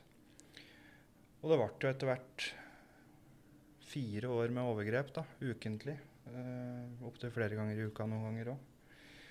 Det er som Mats pratet på i stad, jeg glemmer aldri liksom lukta av åssen det så ut oppi huset der, og, og musikken han spilte, og bladet hans, og alt dette sitter jo godt i, i minnet, da. Um, og det ble jo um, uh, Overgrepa var jo uh, Altså det ble uh, mer og mer fy, sånn voldelig tilnærming til det for å få gjennomført. Jeg var jo ikke akkurat velvillig. Uh, selv om han på en måte um, la opp til at dette der var naturlig. Og jeg var jo ikke gamle gutten, og du skjønner jo ikke så mye når du er uh, fire år gammel. Så kom det jo en del trusler etter hvert på at hvis dette her kommer ut, så mister du foreldrene dine, og barnevernet kommer og tar deg. Ja, trua med vold. Sånne ting. Så det blei jo overgrep i ordets rette forstand uh, på alle måter som man kan tenke seg. Um, um, og det var òg etter hvert som, som man hadde noen kompiser på besøk og sånn, som ikke, ikke deltok på, på overgrepa, men som hadde det veldig morsomt på min bekostning. Og de kledde meg naken og bandt meg til tørkestativet i hagen og kasta ting på meg og, og gjorde en del sånne ting, da. Og, dette var jo fryktelig vanskelig for en, eh, for en gutt å takle, og jeg var eh, redd støtt. Um, jeg begynte på skolen, så turte jeg jo ikke å gå skoleveien alene. Og hadde en eldre gutt i, i nabolaget som jeg helst ville ta følge med. Selv om ingen visste hvorfor jeg var så besatt på å ta følge med han, så, så, så var det min måte å komme meg på skolen på. Um, og han overgriperen, han eh, dukka jo opp på skoleveien noen ganger og førte etter meg til skolen. bare for å, Han gjorde meg ingenting da, men han bare for å vise seg fram og, og skremme meg og, og sikkert beholde dette psykiske overtaket på meg. Så etter skolen og sånn òg, så satt jeg jo han eldre gutten i nabolaget han slutta jo seinere enn meg på skolen, og sånn, men da satt jeg jo på skolen og venta en time eller to for at han skulle bli ferdig. Jeg turte ikke å gå hjem. Var redd for, for eldre gutter og, og, redd for alt når jeg skulle gå. Um, så det var jo veldig, veldig belastende tid, og, og det pågikk jo i fire år og slutta jo ikke før, før han prøvde seg på deg, Mats, som vi prata litt om i stad. Ja. Du redda jo meg en gang, han tok med meg inn på badet da jeg var tre år. Mm. Vi redda hverandre, egentlig. da. Ja, du skjønte at det var noe galt, så mm. du begynte å lage et helvete med leven. Mm. Du begynte å panke på døra og skrike og rope. Og. Mm. Jeg fikk jo panikk. Så han, ja. ja, endte med at han kastet meg ut, og så tok han med deg inn i stedet, mm. hvor du skrek opp med at du må løpe hjem igjen. Mm. Så jeg er tre år gammel, da fløy jeg hjem igjen. Mens mm. Lars ble tatt oppi der. Mm. Det var jo eh, Jeg skjønte jo hva som skulle skje når han låste seg inne på badet med broderen og var nødt til å gjøre noe, selv om jeg ikke hadde så mye å stille opp med. Men det endte jo med at du kom deg ut, og, og seinere den kveld så, så hadde vi dette morgenstellet som du pratet om i stad. Og da når mamma ropte på meg i stua da, for jeg hørte jo at morgenstellet for døra sto oppe, jeg satt så på TV-en, og jeg hørte hva som foregikk på badet. Og når hun ropte på meg da, så skjønte jeg jo at nå er katten ute av sekken. Og da, da ble jeg så fylt med frykt at jeg visste ikke hva jeg skulle gjøre. For da så jeg alle disse truslene i huet mitt om hva som skulle skje, og at vi unger skulle bli tatt bort. Og, ja. Du så mamma fortelle dette til meg mm. når eh, jeg lå på stellebordet og begynte å gestikulere. Mm. Så så jeg liksom mamma rart, så jeg husker jeg mamma forklarte dette på måten hun forklarte det på. Så gjorde hun sånn Lars! Mm. Kom opp på, på badet. Mm. Da, mm. Hva skjedde da? Nei, pappa kom jo igjen, da. Og han eh, jo, var jo en eh, hva skal jeg si, en eh, tøffing sjøl eh, opp igjennom. Vektløfter i alle år og, og driver med mye rart, han òg. Så han var jo en tøffing. Og når han fikk vite dette her, så, så gikk han jo tvers gjennom to dører. for han skulle jo opp og drepe han, rett og slett. Du kunne knekke naken på han? Ja. Så jeg husker mamma spurte og hoppa opp på nakken på han og hang på ryggen på han eh, halvveis opp mot naboen og skreik at uh, unga dine er ikke kjent med å ha far sin i fengsel. Mm. Så han stoppa halvveis da, og, og kom ned igjen. Men det ble jo, det ble jo noen runder på BUP, og det ble undersøkelser for å bekrefte overgrepene og disse tinga der, da, og det ble jo bekreftet. Uh, og så var det en litt annen tid, da. Så det var jo ikke så vanlig å, å snakke om det utad. Jeg vet ikke om systemet var helt beredt på liksom hadde gode nok rutiner på å liksom, ta det videre. Men fokuset var på en måte at jeg skulle få den hjelpa jeg trengte, da, og at vi skulle få bekrefta ting. Og, og, jeg har litt sånn, sånn som Mats sa, litt sånn svarte høl fra denne tida, eh, for det var veldig traumatisk. Um, men det, det, var i hvert fall der livet mitt i hjelpeapparatet starta. Da. Uh, og siden da så var jeg jo egentlig mer eller mindre i hjelpeapparatet hele livet uh, fram til for noen år siden. Jeg så jo alltid på deg som en sånn populær gutt. Populær i, i klassemiljøet og populær på, blant folk og lek. Uh, ser, ser, du på at den hendelsen og disse åra der er ene og alene uh, grobunnen for at du havner utpå? Ikke, det... en, ikke ene og alene, men, men uh, jeg, jeg bærte med meg Det var til sjølbildet, sjøltillit. Mm. Uh, jeg òg begynte jo å stamme mens jeg ble utsatt for overgrep. Uh, gjorde jo det, og Stamminga mi opphørte jo når overgrepa ble avdekka. Uh, og det gjorde det liksom litt sånn vanskelig sosialt. Og, og jeg hadde jo en vennegjeng på skolen, men, men, samtidig så var jeg litt sånn spesiell òg. Så jeg ble liksom litt mobba i vennegjengen, men, men, ikke sånn alvorlig på en måte sånn sett. Men, men jeg sleit jo litt for å tilpasse meg sosialt og prøvde liksom å finne tilhørighet og liksom endre meg sjøl for å passe inn hele tida. Og, og, barneskolen og sånn ble jo vanskelig pga. det. ikke sant? Så jeg dro med meg mye sånn gikk over i sånn depresjon på ungdomsskolen og, og sleit liksom i forhold til damer f.eks. og sånn. Du har jo ikke den sjøltilliten, ikke sant. Du har blitt tråkka på og nedverdiga og uh, de tinga der. Og på ungdomsskolen og sånn så skilte mamma og pappa seg, og så ble det uh, en sånn opprivende greie og uh, ja Som vi har snakka på før her, med skilsmisser og, og ting blir annerledes og, og ja. Jeg husker jo deg òg, når du begynte å fortelle historien din Mm. Nå når vi liksom skulle i gang med dette her, Mm. så husker jeg jeg fikk jo melding fra en beste kompis av mine ikke sant? på skolen som ikke visste dette her. Mm. Altså, nå er jeg, blir jo 35. Mm. Som ikke visste dette her før nå. Mm. Og det er en av, noen av mine beste venner som har kommentert det nå. Mm. Det faen, dette visste jeg ikke. Nei, jeg har fått mange meldinger fra folk Mm. som jeg gikk på skole med, sånn, som liksom hva vi ikke visste, og, og liksom eh, Ting ga plutselig litt mer mening da, i forhold til hvordan jeg var da jeg var yngre. da. Mm. Eh, jeg tror folk liksom skjønte litt, og for så vidt har skjønt litt hvordan livet mitt har vært ellers òg. men jeg har vært veldig opptatt av liksom å ikke skylde på det. Nå, altså, ja, det gjorde ikke ting lett, og ja, jeg fikk mye utfordringer. Og, men du har jo noen valg sjøl oppi det òg. men men uh, valga mine etter hvert helte mot at jeg ga litt opp, da. Eh, jeg ble sliten og jeg var deprimert, og det var vanskelig å fungere, på en måte. Men én ting, da. En ting som eh, Du fikk jo all, alt dette drysset med å være skoleflink. Mm. Fikk jo du. Jeg fikk ikke noe. Nei. For du er jo den til oss som er flinkest på skolen. Du Ja. er jo ikke praktikeren til oss. Jeg er ikke praktikeren, det er helt riktig. Altså, ikke Eh, altså Det gjelder alle tre til Mm. Jeg, jeg følte jo alltid at jeg på en måte hadde litt sånn skolehue og sånn. Og så var det litt sånn vanskelig på en måte å, å fungere i skolemiljøet som gjorde at ting ble vanskelig. Men jeg trengte jo aldri å lese så mye og sånn, heldigvis. da. Så det er det som gjorde at jeg kom meg gjennom skolen med disse utfordringene her, da.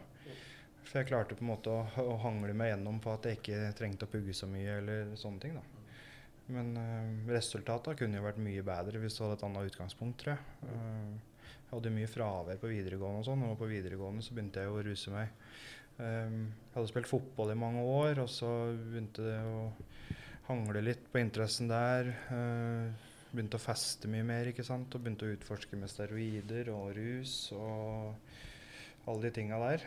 Og det eskalerte jo bare mer og mer gjennom videregående. Og Når jeg var ferdig på videregående, da, da i løpet av det første året etter videregående så var jeg liksom hva skal jeg si, fullblods narkoman og brukte steroider og, og de tinga der. Og solgte. Og solgte. Kjøpte og solgte og styra på for å Ja. Og det er vanskelig å si, men, men jeg, jeg Ja. Det var så rotete i livet mitt. Hadde det så vondt, hadde det så fælt med meg sjøl at jeg, at jeg dreit i alt, for å si det rett ut. da. Og Så- dette er samme den tida der jeg sleit jo mest på skolen, jeg òg. Det var jo første halvåret på videregående, så strøyk jeg jo. Mm. Det var like, mye skulk og mye like, Jeg vet ikke hvordan jeg så på skolen en, som en arena for å få utløp for noe, eller Mm. hva det var. Jeg, men Mm. det var i hvert fall skolen som var vanskeligst. Mm. Jeg tenker det er jo i det øyeblikket hvor du begynner å drite i alt. Mm. Det er jo da det begynner å bli skikkelig skummelt. Mm. Mm. Og det var jo litt det som skjedde med deg òg. Mm. Men så hadde du jo et vendepunkt Mm. Litt utpå der. Mm. Hva er det som gjorde at du begynte å ta tak i livet ditt? Problemene dine? Nei, det varte jo ma eh, mange år da, med, med heavy rusbruk og, og dørvaktjobbing og vold og kriminalitet og utforske miljøer og de tinga der.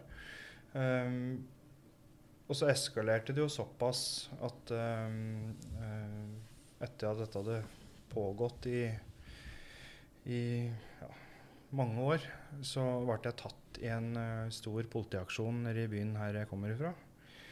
Og det var jo snakk om uh, Da hadde jeg vært i Oslo og henta masse narkotika da, som jeg skulle selge. Um, og hadde to bikkjer som sto hjemme. Uh, og da hadde jeg sånn hjerte for de bikkjene at jeg liksom ville hjem og, og lufte dem før jeg skulle kvitte meg med dop og penger eller alt det greiene der. Og når jeg kom hjem igjen da, så gikk jeg ned gata med bikkja bikkjene og kom opp igjen. Og da spruta det jo politifolk fra alle hager med bevæpning, maskingevær. De plomberte hele huset. Jeg leide jo leilighet i, i huset til pappa, eh, der han hadde flere leiligheter på den tida. Og det var eh, ja, 15-16 politifolk som omringa meg på, i gata der. Og jeg, hadde, jeg var sliten. Jeg hadde rusa meg i mange dager og kom, akkurat kom hjem fra Oslo og ikke, klarte ikke helt å koble hva som skjedde. Ble tatt på senga. Det var jo meninga sikkert. Men uh, um, ble huka inn, da. Og andre folk som oppholdte seg i det huset, ble jo arrestert. Og folk som ikke hadde noe med det å gjøre og i det hele tatt. Og da er vi inne på det vendepunktet som, som du prater på, da. For da, da satt jeg på cella. Jeg ble satt i varetekt, selvfølgelig. Og jeg husker jeg satt på cella hele natta eh, og hørte på grining og, og skrik. Og folk som ikke var vant med å sitte i en sånn situasjon og, og sånn. Og jeg var så sliten. Jeg husker jeg satt i bar overkropp innpå der, og svetten rant, og nedtur på dop. Og så tenkte jeg liksom at uh, hvis jeg ikke gjør noe nå, så enten så dør jeg snart, eller så sitter jeg inne her resten av livet. Ehm, så da da ringte jeg på klokka rett og slett på cella og sa at jeg slipper ut oss andre folka her, så skal jeg legge korta mine på bordet. Det som omhandler meg, i hvert fall. Jeg Tysta ikke på noen, men, men det som handler om meg, det skal de ikke få vite. Bare slipp ut alle de andre. For det var jo mye venner og familie som satt på samme celler bortover, Mm. som du hadde satt i den situasjonen. Mm. Det er jo ikke noe god følelse i det, Ikke noe god følelse i det hele tatt. når du skjønner at det er du som er grunnen til at de er der. Så var det, var det jo sånn på den tida der at vi var jo enige om at den som var tatt, den tar på seg støyten. Og dreier ikke med seg noen andre, uansett. Mm. Uansett hva det er prat om, så Mm. Men Lars tok jo den støyten. Jeg tror jeg husker at jeg pratet med en kompis eller to som skulle ned for å For du har en viss grense, ikke sant, Mm. på noe hvor hard straffa Profesjonell grense. Ja. Mm. Så jeg hadde tenkt å ta med meg to kompiser. Jeg prater jo med flere. ikke sant? De Mm. skulle stikke ned på politistasjonen og si at det så så mye av det var mitt, og han sa at det så så mye var hans. Så vi kom under den grensa. Mm. Men jeg visste ikke hvor mye det hadde vært å hente. Så jeg visste ikke hvor mye det hadde vært tatt med. Og det var ikke første gang vi hadde dratt seg heller. Det var skjedd x antall ganger, men nå var det liksom bom. Nå var det, Den saken var bygd opp over en stund, og nå hadde de bestemt seg for at nå skulle de ta oss. da. Så husker jeg at når jeg kom ut igjen fra varetekt, og sånn, så møtte jeg deg på Kopperud. Så sto jeg og pratet med deg, og så sa vi, stå, vi så vi på hverandre, og så sa jeg nå er det, nå er det slutt. Nå må vi gjøre noe. ja, nå, dette her går ikke lenger nå. Mm. Nå har vi sluppet unna. Jeg hadde jo rasia utover og tatt med en hockeybag med steroider med en gateverdi på 350 000. Mm. Og kom unna det. Og så eh, en runde der nå. Mm. Da sa jeg nei, nå er det slutt. Mm. Da, mm, det går ikke lenger. Og det var jo I den, eh, de åra òg som jeg holdt på, så var det jo noen runder inne på syk. Og det jo, det gikk jo slag i slag. Det var opp og ned, og det var uh, glattceller og varetekter og syk og i det hele tatt. Og det var et hardt liv, og jeg hadde jo i tillegg um, en del vinningskriminalitet og, og firmaer som var bygd opp av luftslott og svindling. Og, så jeg hadde opparbeida liksom en bra gjeld òg, da. Så jeg skyldte jo 1,6 millioner uh, uten å eie mer enn olabuksa jeg sto og gikk i. Hadde jo på en måte per definisjon omtrent ikke noe sted å bo, og, og skyldte 1,6 millioner. Og alt var ræva, rett og slett. Fy, psyken var nedkjørt, og fysikken var nedkjørt. og og de tinga der. Så da var det greit og Da bestemte jeg meg for å ta fatt på dette her, da, og prøve å gjøre noe. Og det endte jo opp med, med to år i rusbehandling. Eh, I tillegg til det så fikk jeg eh, to ganger ni måneder med sånn sinnemestringsprogram, som jeg gjorde uh, samtidig. Uh, møtte noen veldig fine mennesker uh, og fikk den hjelpa jeg trengte. Og, og endelig klarte å sette ord på noe. Endelig klarte jeg å snakke om overgrep og traumer og de tinga, selv om det tok lang tid. Hadde prøvd noen runder før, men det stoppa seg. Holdt på å besvime på kriminalomsorgen jeg sa overgrepsordet høyt for første gang. Så jeg måtte gå ut av bygningen og få luft, for jeg klarte ikke å puste. Så det, det sier litt om hvor ting setter seg i kroppen, og hvor vanskelig ting er. Eh, men samtidig hvor viktig det er å få det ut. For med de kreftene inni seg, da, så sier det litt om hvor dårlig du får det. Det handler litt om den psykiske biten oppi dette her, den psykiske helsa Mm. oppi dette her. Mm. Hvordan man kommer seg ut, og hvordan man bearbeider og jobber med den etter en sånn runde. Så det er jo òg litt viktig her. At Mm. man kan nevne litt om hvordan, hvordan psyken din føler du den er i dag? Føler du at du har, vært føler at du har fått såpass god hjelp at den har blitt styrke Mm. ved å åpne seg og ved å prate om det? Mm. Om det Åssen erfaring har du med det? Og den har jeg jobbet mye med i mange år. Mm. Jeg fikk jobba jævlig grundig med den da jeg var i behandling. Uh, og, og følte meg på en måte mer rusta. Men jeg hadde et sånt mål, da. For Før så var jeg liksom full av steroider og 140 kg om å gjøre å være størst mulig og ha den rustningen og de tinga der. Men så på et eller annet tidspunkt så tenkte jeg at det er, eh, det er viktigere å, å være sterk i psyken enn å ha digre biceps. Så prioriteringene mine ble litt annerledes. Så det var liksom et mål om å, å bygge meg opp innenfra, i stedet for å bygge meg opp på utsida. For uansett hvor diger du blir der, så føler du deg bitte liten inni når du ikke får gjort noe med tinga dine. Men når du ser tilbake på det i dag, etter at dette her eh, skjedde, da. eh, Du kunne jo havna i fengsel. Mm. Har du tenkt på hvor du hadde vært hen i dag hvis du hadde blitt sendt i det samme miljøet i fengsel Mm. og sona sammen med mange andre i samme situasjon? Tror du du hadde kommet deg ut av det? Eller tror du at det Hadde jeg ryket på den ø, dommen i den fulle lengda den gangen som det var forespeila, mm. så tror jeg livet mitt hadde sett jævlig annerledes ut i dag. Mm. For jeg var um, Når jeg var ferdig med toårig rusbehandling, så søkte jeg meg opp på høyskolen. Um, og, og kom inn der uh, til litt om og men. jeg hadde rulleblad og alt mulig rart. Men uh, når jeg kom inn der, så Første året mitt på skolen så ble jeg jo far og begynte på høyskolen og søkte gjeldsordning eh, og sona straffa mi den gangen uh, i tillegg. Uh, men jeg ble jo forespeilet to og et halvt år ubetinget, Mm. som en sånn dom jeg gikk og ventet på mens jeg, jeg begynte på skolen. Men nå fikk jeg heldigvis tilpassa den straffa, så jeg fikk gjort, gjennomført det jeg hadde satt meg å gjøre. da. Kan Og jo da- hende at det er alfa og omega for at ting har gått såpass bra i dag, da. Ja. For det kan jo tenkes hvis du hadde havna i fengsel sammen med det, mye av disse samme i samme miljø, så hadde du ikke kommet dit du hadde kommet i dag. Du hadde kanskje kommet, ikke kommet inn på høyskolen. Mm. Og er der litt- kommer den inn med uh, når, du, når du praktiserer ydmykhet og, og sier at 'jeg har driti meg ut, jeg trenger hjelp', 'jeg klarer ikke at jeg er på egen hånd'.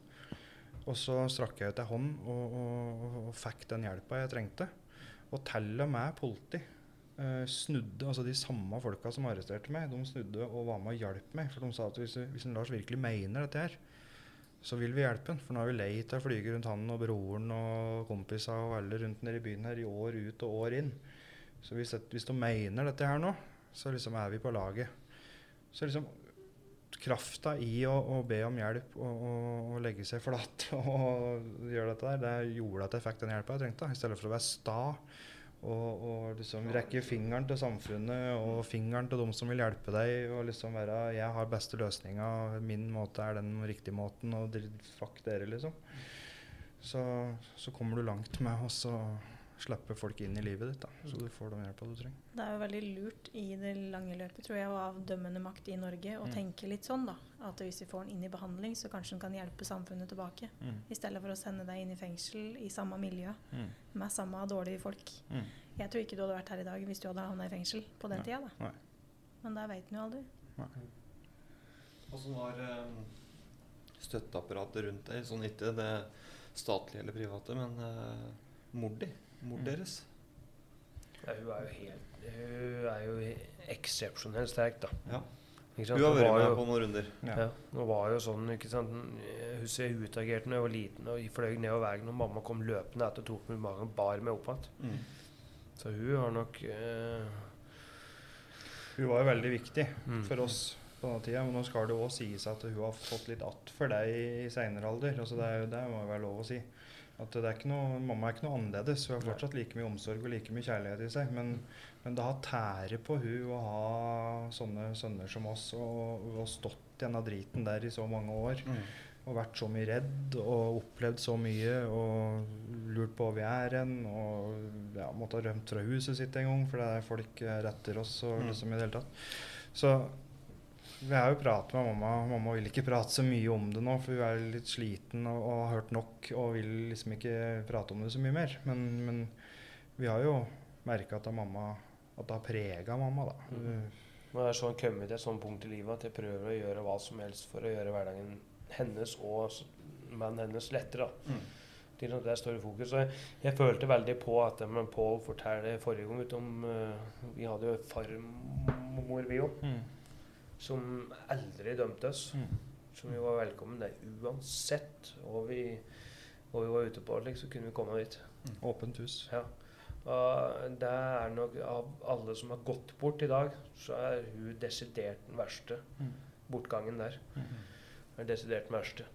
Mm. For dit husker jeg vi kom og det hadde vært masse slagsmål. Hun leste om de avisene og spurte om vi hadde noe med dette å gjøre. og sånn. Men det, det var alltid velkommen. Mm. Med de digre bikkjene vi hadde med oss oppi, som lå på verandaen der og slauet rant av kjeften på Hun satt der liksom bare shoppa etter det der. Mm. Bare rant slau på verandaen hennes. Så hun har alltid kunne komme. Mm. Så hun òg var veldig lik. Jeg husker når første gang jeg møtte deg, da, eh, var jo via Mats. Mm. Han skulle bli med på Med meg så sier, mener du Lars. Ja, men, men Lars, ja. ja. Første gang jeg møtte Lars, da var jeg med Mats på Avancia her vi sitter nå, som det var treningssenter den gangen. Mm. Og da skulle du komme. Lars skulle komme da. Og jeg hadde hørt om deg. For jeg var jo mye hjemme hos Mats, men jeg så deg aldri, for du var jo ute og farte. Men da kom det da en eh, sølvgrå Opel Calibra, husker jeg, som var jævlig tøff sportsbil da. Mm. Og ut der så kom det en beist på 140 kilo, diger bjørn, som fikk kledd på seg denne vesle kaliberen. Og så ble jeg med hjem dere etterpå, og huset dere skulle ete. Åssen mor deres klarte å holde dere i kost og losji, det skjønte jeg ikke, for det gikk jo sikkert sju liter med mjølk og tre brød. Mm. Men da var det sånn Da følte jeg den der eh, barmhjertigheten hennes, da. Mm. At er du sulten nå, så kom og sett deg. Mm. Men jeg fikk jo ikke mat, jeg, for dere åt jo opp hele kjøleskapet. Det er Mm. samholdet dekk to imellom, deg og Mats, Lars og Mats, da. Det har jo vært unikt fra dag Ja. Og en Jens En, for så vidt, som ikke sitter her i dag, da, men, men, men en Jens Vi er jo tre brødre, Ja. og vi tre brødre har jo hatt et spesielt samhold egentlig hele Mm. livet. Mm. Jan, La, ja, Jan Lars hadde disse åra hvor vi turer og drev. Mm. Eh, og så er det sånn når vi kom oss ut av dette her, og vi er masse i vår hverdag og vår eh, tid nå som ikke vi hadde greid uten Jens selv. Mm. Ikke sant? Og det er sterkt samhold mellom alle tre. Mm. Alle hjelper hverandre på de områdene de er gode på. Mm. Eh, Så heldigvis, da, så har vi kommet oss uh, helskinnet ut på andre sida, vi òg. Mm. jeg har jo fire unger i dag. Du har tre unger i dag. Så vi er familiefedre, og vi jobber med det vi gjør. Jeg har jo jobbet med dette her i ti år nå. eh, I institusjoner her og der og i ulike ting. Og jeg må jo si at jeg er eh, takknemlig og glad for at vi sitter her i dag og, og har det livet vi har i dag, kontra det vi hadde før. Mm. Og jeg er jævlig takknemlig for at vi har hatt hverandre gjennom alt dette. Mm. Altså helt siden vi var små. Mm. Nå var det en periode når vi var veldig små hvor jeg og Jens var mye sammen. Mm. Da pratet vi enda yngre, altså. Mm. Men så ble det det kom en periode Men jeg er fryktelig takknemlig for at vi alle tre har hatt hverandre. Mm. For det har vært mye, mye eh, trøkk på Belastninger. belastning i, i familien og rundt som, som eh, mange ikke vet om òg. Mm. Mm. jeg er utrolig takknemlig for det. Jeg hadde ikke sittet her hvis ikke jeg hadde hatt hverandre. Ja. Det er viktig å finne noen å, viktig å finne noen å nære Mm. og ha med seg. Det er, det er jo usedvanlig nærme til å være brødre. Det er jo ikke Mm. alle som har den søskennærheten som det dere har. Det er jo unikt. Mm. Det er veldig få jeg kjenner, eller vet om Mm. generelt, som har det sånn. Mm. Mm. Så det er jo Vi gjør jo alt sammen. Ja. Og fortsatt. Mm. Og fortsatt. Mm. Til og med dette. Til og med dette. Mm. Mm. Nå har vi fått med oss fine folk i tillegg, så nå har vi utvida familien enda mer. Mm. Ja, vi føler oss inkludert. Mm. Vi kjenner jo at historia Vi har jo kjent dere i mange år, vi òg. Så vi har jo sett det litt fra utsida og litt fra Mm. innsida. Og Mm. Og det er det som er at det er et knippe folk, da, sånn som Marte og Pål og sånn, som fortsatt er med oss. Mm. Har vært med oss i så mange år. Mm. Og vi har andre kompiser òg, som Mm. er, er veldig sterke. og Som, som og har kommet seg ut. Mm. Som vi òg har god kontakt med i dag. Mm. Men du ser hvem ordentlige venner altså, Se på Marte og, og mannen hennes og sånn òg, som jeg er jo mye med den båtopplegget og sånn. Og at de takler det. Mm.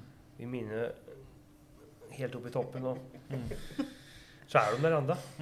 Ikke sant? Så det her betyr jævlig mye. Jeg har holdt deg med mat i mange måneder eh, uten Ritalin, Mm. så jeg veit hvor mye hun måtte kjøpe inn for å få deg fornøyd. Mm. Så det har jeg respekt for. Ja. Så har vi jo unger òg som elsker dere for hele hele verden, som kaller dere for onkler, selv om dere ikke, Ja. Mm. er det i blodet. Ja. Som eh, setter så pris på dere. Mm. Og når vi er på båtturer, at eh, slik som den gangen vi kjører Mm. under Mjøsbrua, så spør det han eh, mellomste min for det er høl eller skade på Mjøsbrua. Så sier han nei, Lars har vel vært sint, da. sier jeg. Mm. Å, var han hulken, da? sier han. Ja, han var hulken, da. Så jeg slo han hull i Mjøsbrua. Det har han fortalt i barnehagen og på skolen. Da. At en onkelen hans er jo hulken. Ja. Så det, det går jo en gjenganger etter. Ja. Ja. Jeg tenker sånn, um, sånn um, avslutningsvis, da, så tenker jeg at disse historiene her handler jo ikke om å utbrodere alle detaljer, og for det, vi kunne jo sitte her i timevis og fortalt. Det er psykisk Men helse som uh, er ja, i dag, på verdensdagen for psykisk helse, da, Mm. så tenker jeg at uh, clouet med å dele overskriften av vår historie er at vi kom oss ut av det ved hjelp av å prate med noen Åpne og åpne seg opp. Åpenhet, ja. mm. Tørre å slippe folk inn i livet sitt, og tørre å stole på noen. Mm. Og ikke tenke at du har løsninga på alt sjøl hele tida. Men uh, Så tar vi gjerne henvendelser og spørsmål sånn, gjerne anonymt òg, Mm. hvis det skulle være behov for det. mm, For det, vi prater mer enn gjerne. Vi har kommet dit på ditt punkt at vi Dette her, her er, gjelder åpenhet. At Mm. vi prater åpent om det. Mm. Hvis det er noen som kjenner seg igjen, eller Mm. føler at øh, sitter med noen følelser som trenger litt svar på, eller noe, så er det bare å spørre. For å komme videre så må du prate om det. Mm. Der For kan det er du- begynne med anonymt. Du kan rømme fra problemer Mm. i årevis, men det innhenter deg på et eller annet tidspunkt uansett. Og det er vel litt sånn med dekk. Mm. sånn At, eh, helt, helt avslutningsvis, da, Espen. Hvordan, eh, hva, du sitter jo og lytter på dette her i dag òg, du. Mhm. Det gjør Og styrer showet, holdt jeg på å si. Og har du, gjør det deg opp noen tanker, eller hva tenker du om eh, det vi prater om i dag? Ja, altså Det jeg tenker først på, det er jo at uh, det er veldig viktig at vi er mer åpne. Og å sitte og høre på dekk da, og de refleksjonene dere har i dag etter det dere har vært igjennom, alle fire, så, så gir det egentlig en trygghet til å åpne seg mer òg, tror jeg, for mange. Mm. Så det med å bruke dette som mer en ressurs og mulighet til å få hjelp, da, det tenker jeg er veldig, veldig riktig tid å gjøre det på. Mm. Så vi vil gjerne ha inn spørsmål Mm. uh, som dere kan svare på. Mm. Så hvis du hører på dette her, så er det mulighet til å sende inn uh, noen spørsmål eller tanker eller Mm. åpen, åpen melding anonymt Mm. eller For nå er det vel, uh, har vi diskutert litt at vi skal gå i gang med litt temaer litt framover. Mm.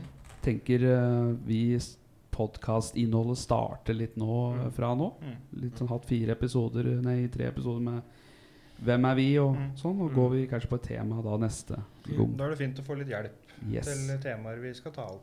Hjelp fra lyttere. Mm. Mm. Så tenker jeg at uh, vi kan prate så mye vi vil om å sløss eller om vold, og om rus, og om uh, alt dette der. Og, men jeg tenker at uh, det tøffeste som fins, er å prate om følelser. Mm. Å prate om hvordan du har det. Mm. Det er det som er å være tøff, tenker jeg. Mm. Som et avslutningsord på Mm. denne podkasten.